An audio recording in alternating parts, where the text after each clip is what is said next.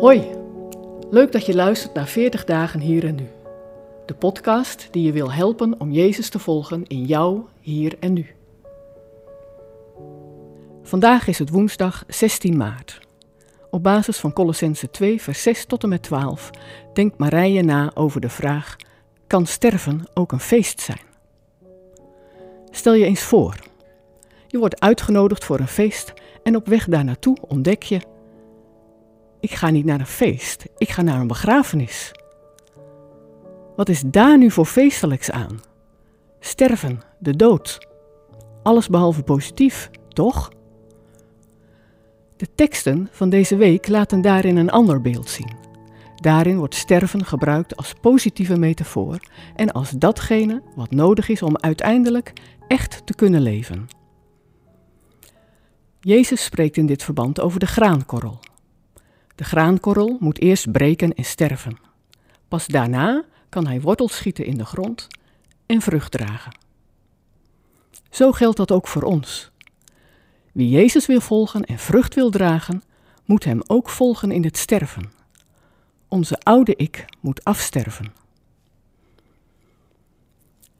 In Colossense 2, vers 12 lezen we daarbij ook nog iets anders.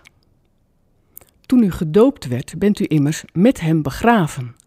En met Hem bent u ook tot leven gewekt, omdat u gelooft in de kracht van God, die Hem uit de dood heeft opgewekt.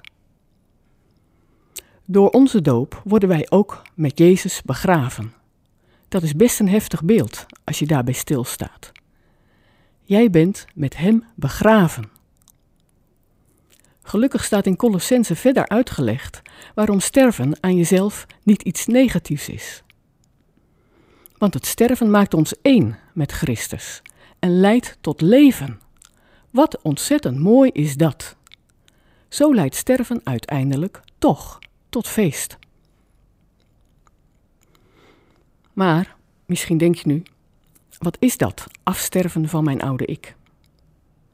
In de tekst van vandaag, Colossense 2, vers 6 tot 12, wordt daar iets over gezegd.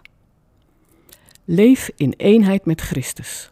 Wortel je in Hem en laat je niet meeslepen door de geluiden en theorieën van deze wereld die niet op Christus gericht zijn. Er zijn zoveel dingen in het leven die onze aandacht vragen en belangrijk lijken, en misschien ook wel zijn. Maar laat je niet afleiden, klinkt het in de tekst van vandaag. Kijk naar Christus en wees vervuld van dankbaarheid. Zoiets is natuurlijk makkelijker gezegd dan gedaan, maar juist deze vastentijd kunnen we gebruiken om te bedenken wat echt belangrijk is. De vastentijd staat immers in het teken van afsterven. Mensen geven dingen op om weer meer geworteld te raken en minder naar de wereldse dingen te kijken.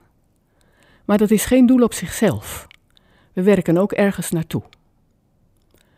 In de vastentijd worden we ermee geconfronteerd dat we elke dag onze oude ik moeten laten afsterven. Maar we zien aan het einde ook dat de dood niet het laatste woord heeft. Zoals we in onze doop begraven zijn met Jezus, mogen we ook zijn opstanding vieren. En vieren dat we opgestaan zijn met Hem. Het één zijn met de bron van het eeuwige leven maakt dat de dood niet het laatste woord heeft. En het maakt het afsterven van onze oude ik de beste keuze. Zo kan sterven toch een feest zijn.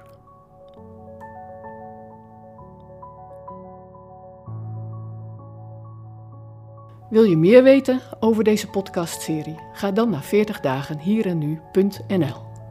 Voor de Bijbelteksten in deze podcast gebruiken we de NBV 21 van het Nederlands en Vlaams Bijbelgenootschap.